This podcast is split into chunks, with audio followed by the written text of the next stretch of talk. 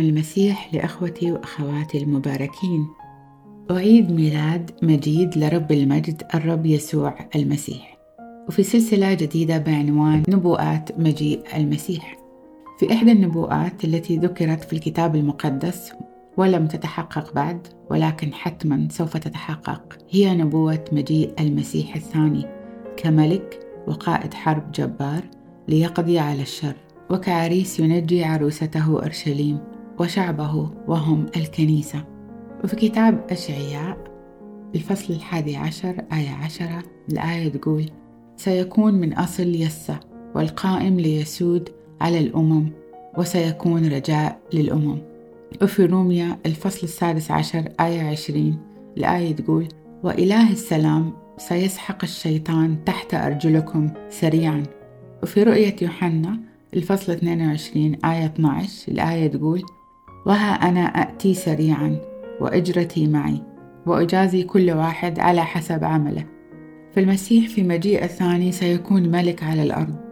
في كتاب زكريا الفصل الرابع عشر آية تسعة الآية تقول ويملك على الأرض كلها.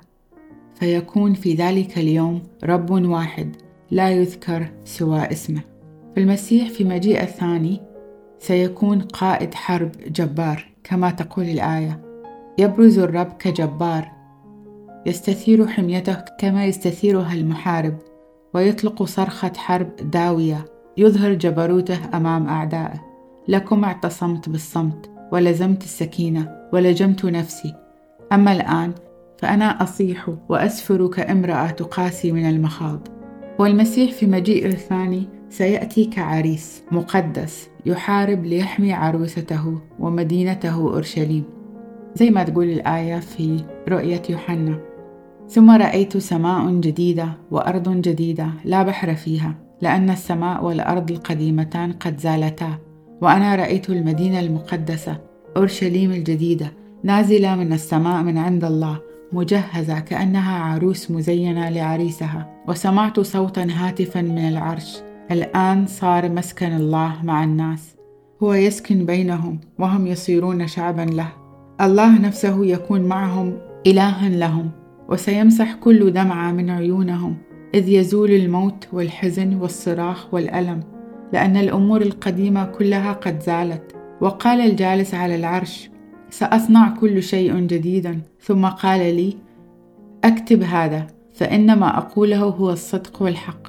ثم قال قد تم. أنا الألف والياء البداية والنهاية. أنا أسقي العطشان من ينبوع ماء الحياة مجانا. هذا كله نصيب المنتصر وأكون إلها له وهو يكون ابنا لي. أما الجبناء وغير المؤمنين والفاسدون والقاتلون والزنا والمتصلون بالشياطين وعبدة الأصنام وجميع الدجالين فمصيرهم إلى البحيرة المتقدة بالنار والكبريت الذي هو الموت الثاني. صلاتي إليك اليوم إنك تنتظر الرب يسوع بشوق وفرح كما تنتظر العروس عريسها لأنه حتما سيأتي ويملك على الأرض.